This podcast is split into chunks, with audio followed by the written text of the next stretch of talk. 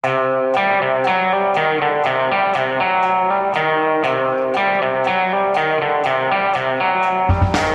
mye penger kan man bevilge til et museum som aldri åpner? Og Maradona, Guds hånd er død. Dette er Gjevrøy-gjengen. Det er torsdag den 26. november. Ja, 26. november, en uke og en dag og ett år siden vi første gang fikk høre at det nye Nasjonalmuseet, flotte praktbygget som ligger nede mellom Aker Brygge og den gamle Vestbanestasjonen, ikke kom til å åpne da, skulle i, da det skulle i 2021 allikevel. Mye sinne og frustrasjon over dette. Det var noen sikkerhetsdører eller noen sånne ting. Nå har det gått et år, og nå har man utsatt det hele åpningen til 2022. Og hva skyldes det denne gangen, Yngve Kvistad? Nei, det er vel si, et sammenfall av flere uheldige omstendigheter. Det er jo, det er jo som du nevnte, at det er noe montering av noe sikkerhetsdører som visstnok er forsinka, og så er det noe teknisk anlegg. Og så er det jo Covid spiller også inn her. Så det er jo, det er jo flere ting. Men det er klart det Altså, den, den debatten som går nå, uh, har inntrykk av at det er litt sånn uh, sammensausing av egentlig fire ulike debatter. Du har Uh, og den, den, si, den, ene går i, i, redaktørstyrte medier, og den andre går i de mer ustyrlige sosiale medier. Uff har, meg. ja, du har den ene som går på dette med Nasjonalmuseets ferdigstillelse da, og, og, og stadige utsettelser. Um, og så er dette med kostnader. Vi snakker om Norges dyreste kulturbygg. Det, den opprinnelige kostnadsramma var på 6 milliarder kroner. Og I statsbudsjettet nå for 2021 så er forslaget der å øke eh, bare det årlige tilskuddet til 881 millioner, som er en påplussing på over 90 millioner i forhold til i fjor.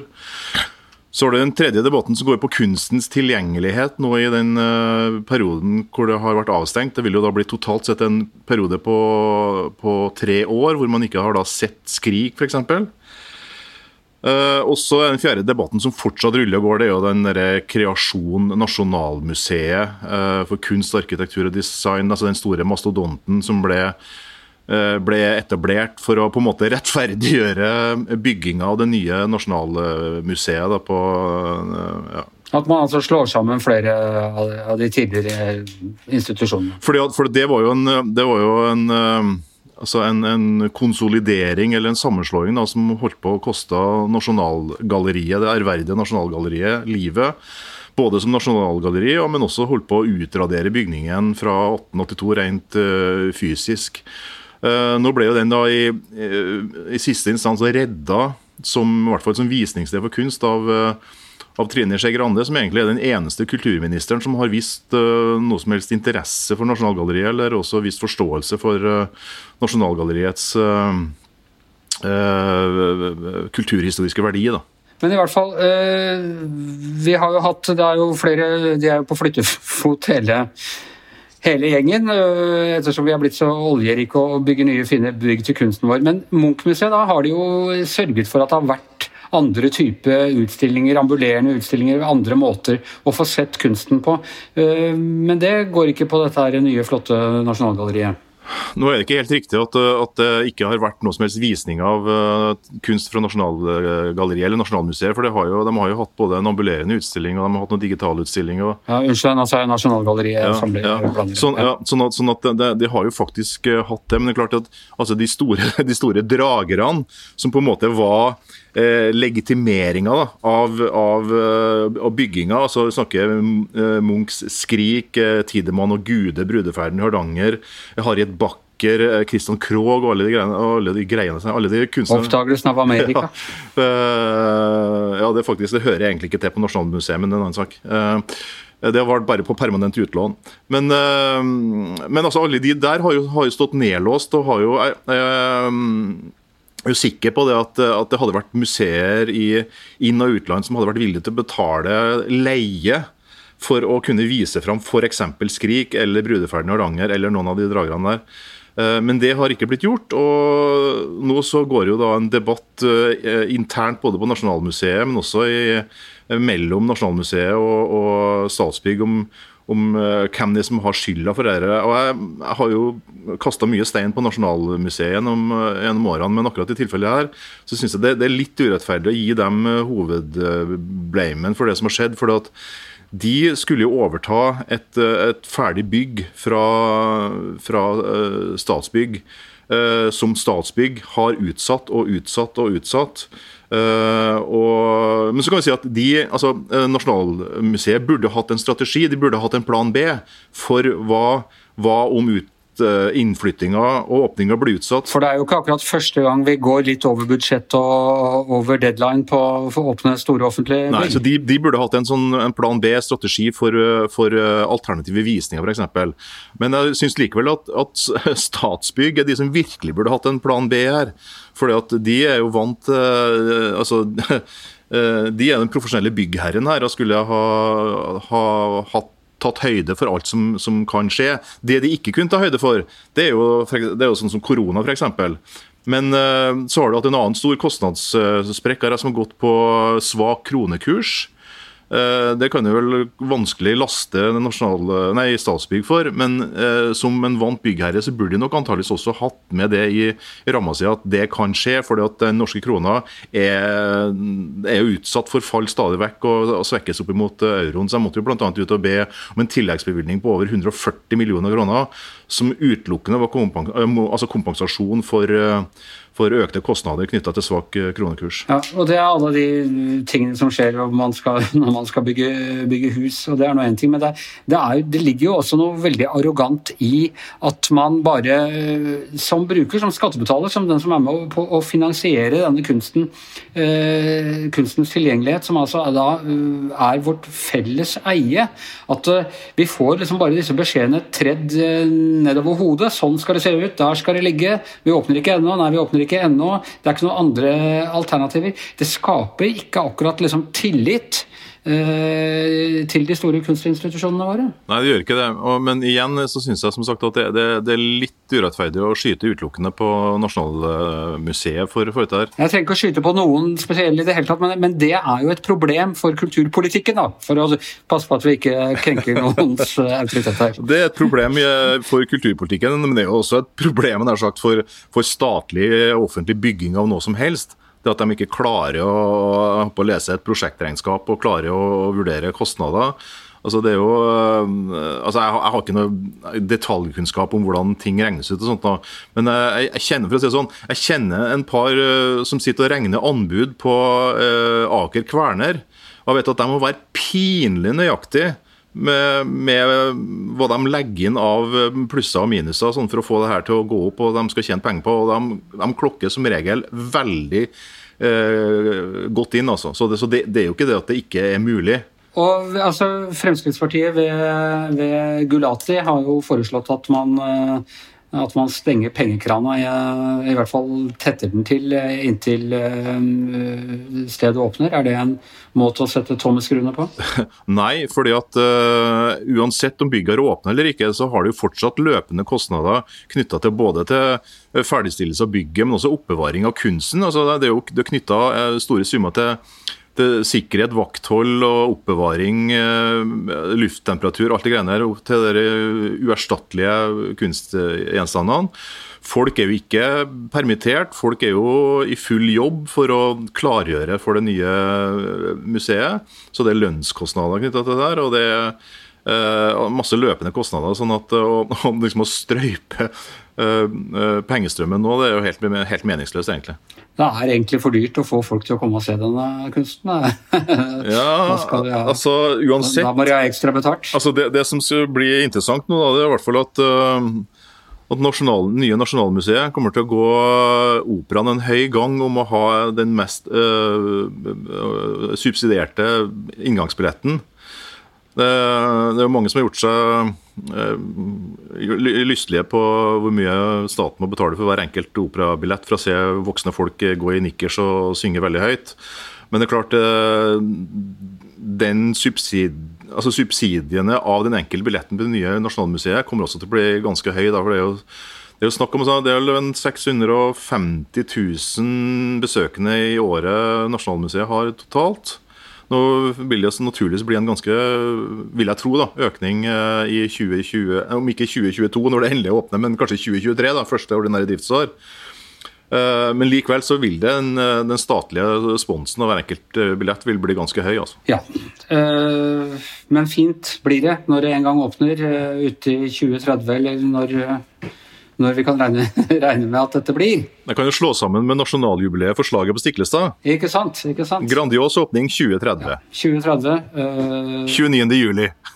yes, ja, det, det, blir stas. Det gleder vi oss til.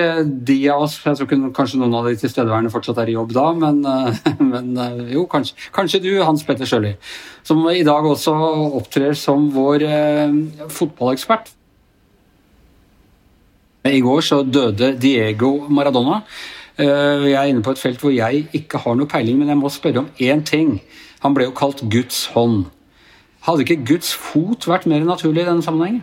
Nei, fordi han ble jo kalt Guds hånd fordi han uh, eh, skåra med hånda mot, uh, mot, England i 1986. Uh, og så ble han jo konfrontert med det, da, og så sa han at uh, det var da Guds hånd som skåra. Det var nærmest en slags sånn metafysisk hendelse da, som, som slo inn akkurat da, da han fikk ballen over en litt tung Peter Shilton i 1986 i Mexico godt. Dette har jeg lurt på i, i mange mange år.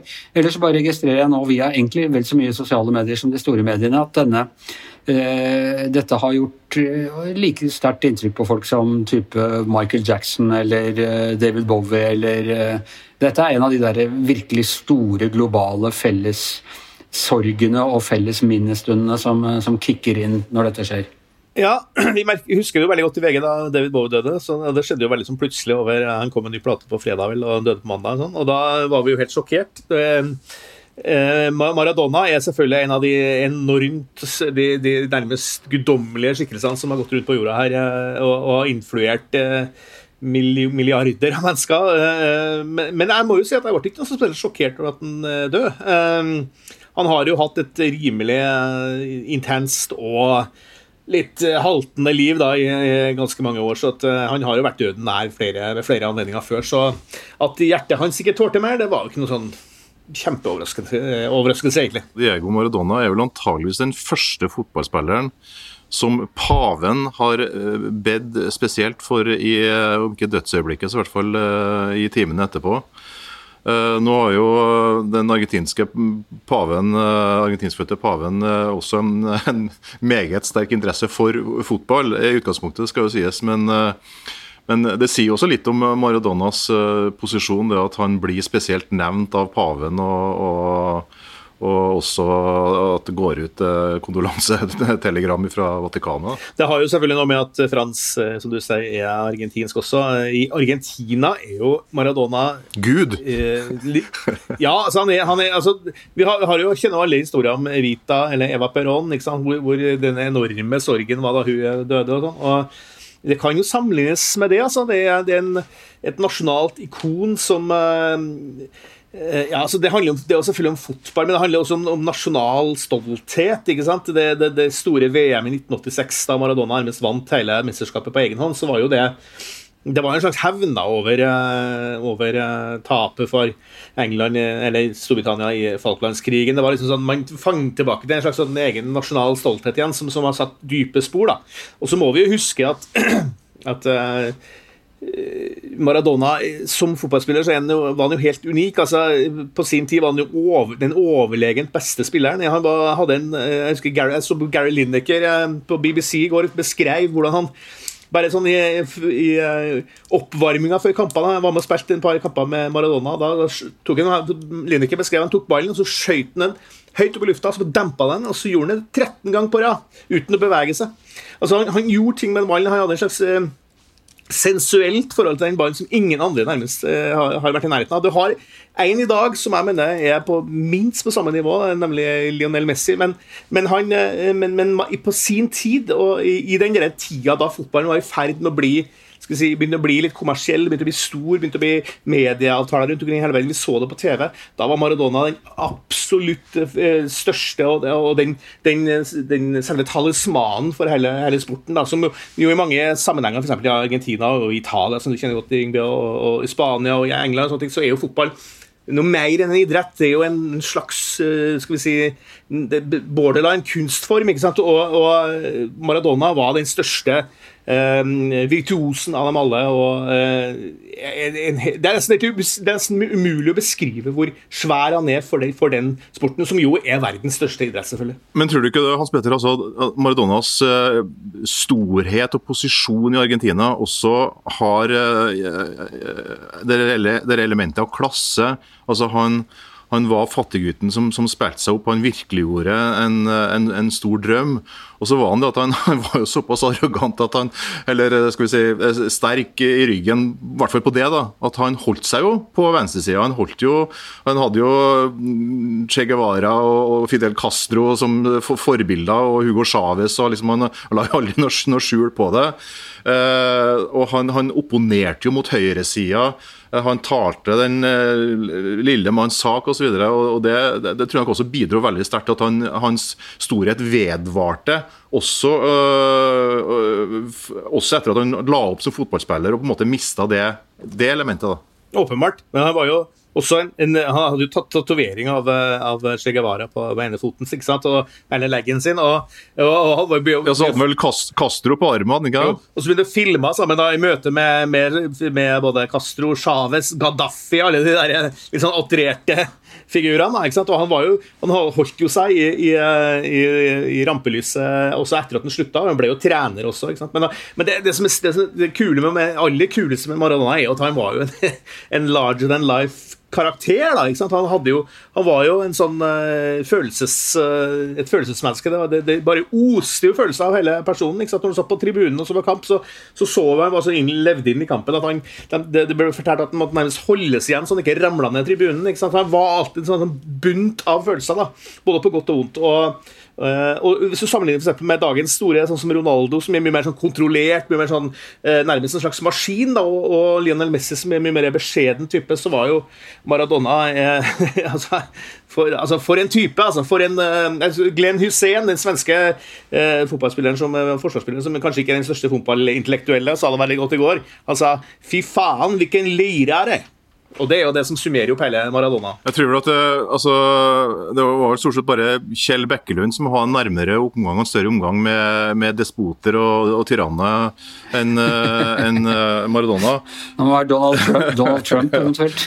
Eh, men jeg syns det er veldig fascinerende som sagt, det der, det der sosiale aspektet her. altså Hvordan han, han sto på sitt, og han var jo Eh, si, han, han, var, han, var, jo ikke noen noe stor polemiker uh, i og for seg, men, men han uh, Ja, han, som sagt, han, sto, han sto på den lille manns uh, side, og så opplever noen eller han opplever ikke, men altså Argentina ønsker æren ved at han da ligger da på Lide Parade i presidentpalasset av alle steder. Altså Det er jo jeg holdt på å si snakk om klassereise. Tre dagers landesorg, da. Uh, og så fikk jeg akkurat før vi gikk på her nå, så fikk jeg vite at, uh, høre at uh, i Napoli så skal de da altså Napoli, den store fotballklubben i Sør-Italia, skal jo da døpe om stadionet sitt da, til Stadio Diego Armando Maradona. Nå, det, for det var jo i Napoli han virkelig slo gjennom som fotballspiller, og der han for det første var at han endra en ganske så dårlig litt sånn drittklubb i Sør-Italia til å bli eh, seier, seierslag i Italia. I tillegg så var det der at han rota seg borti Camorraen og begynte å slite med kokain, og der forfallet begynte. Det, som, altså, det, det, er, jo ingen, ingen tvil om uh, hva altså, Det han gjorde for Napoli, det var jo, det var jo helt magisk. for at han, da han, og, og, da han begynte å spille for Napoli, så, så, var det jo, det var jo klubbene i Torino og Milano ikke sant, som var de store. Det var også i Milan, det var Juventus og alle svære. ikke sant? Så, sånn at uh, Det å gå inn i det bakgårdslaget i, i, i, Napoli, som hadde sånn to-tre sånne uh, Ikke superstjerner, så i hvert fall som var gode til å spille, men resten var jo, det var jo folk som bokstavelig var henta fra gata. Og bare snur det laget. så de, de, vant jo mesterskap på mesterskap, og de ble jo til og med europamestere. Så, det, så det, ja, hva han tilførte, er jo helt, helt enormt. Ok. Vi kommer til å, å Hvor lenge varer altså en sånn vanlig gjennomsnittlig sånn uh, celebrity-død? Det varer liksom en ettermiddag på, på Facebook. Bowie dro seg mot en uke. Hvor lenge, hvor lenge sørger vi over, offisielt over Maradona, tror dere? Ja, så i, I Argentina skal de sørge tre dager, og, tre, det, og det, det, varer nok ikke så lenge her hjemme. Men nå er det mer sånn Nå syns jeg at alle fotballfans skal sette seg ned og så gå inn på YouTube og se litt på det, alt de lekre tingene som, som Maradona gjorde. Og så se de der siste dokumentarfilmene som er laga, den som kom, ligger på NRK-spilleren nå, f.eks. Fantastisk dokumentar eh, om, eh, om, hele livet hans. Det er en dokumentar med, om en mann med hjertet på utsida, og du kommer til å sitte og gråte når du ser den på slutten, for det er både en, en opptur og en forferdelig skikkelig nedtur. Liksom. Og åpenbart også en fyr som var glad i å møte folk. Jeg hadde hele feeden min full av folk som hadde møtt Maradona eh, i hele går. Jeg følte nesten at jeg var den eneste som aldri har møtt Diego Maradona. Med det så er Giæver og gjengen over for denne gangen. I hvert sitt hjemmestudio Hans Petter Sjøli, Yngve Kvistad. Jeg heter Anders Giæver, og podkasten blir produsert av Guds andre hånd, Magne Antonsen. I morgen er det Thomas Giertsen og Anders Giæver, og vi har besøk av Trygve Slagsvold Vedum.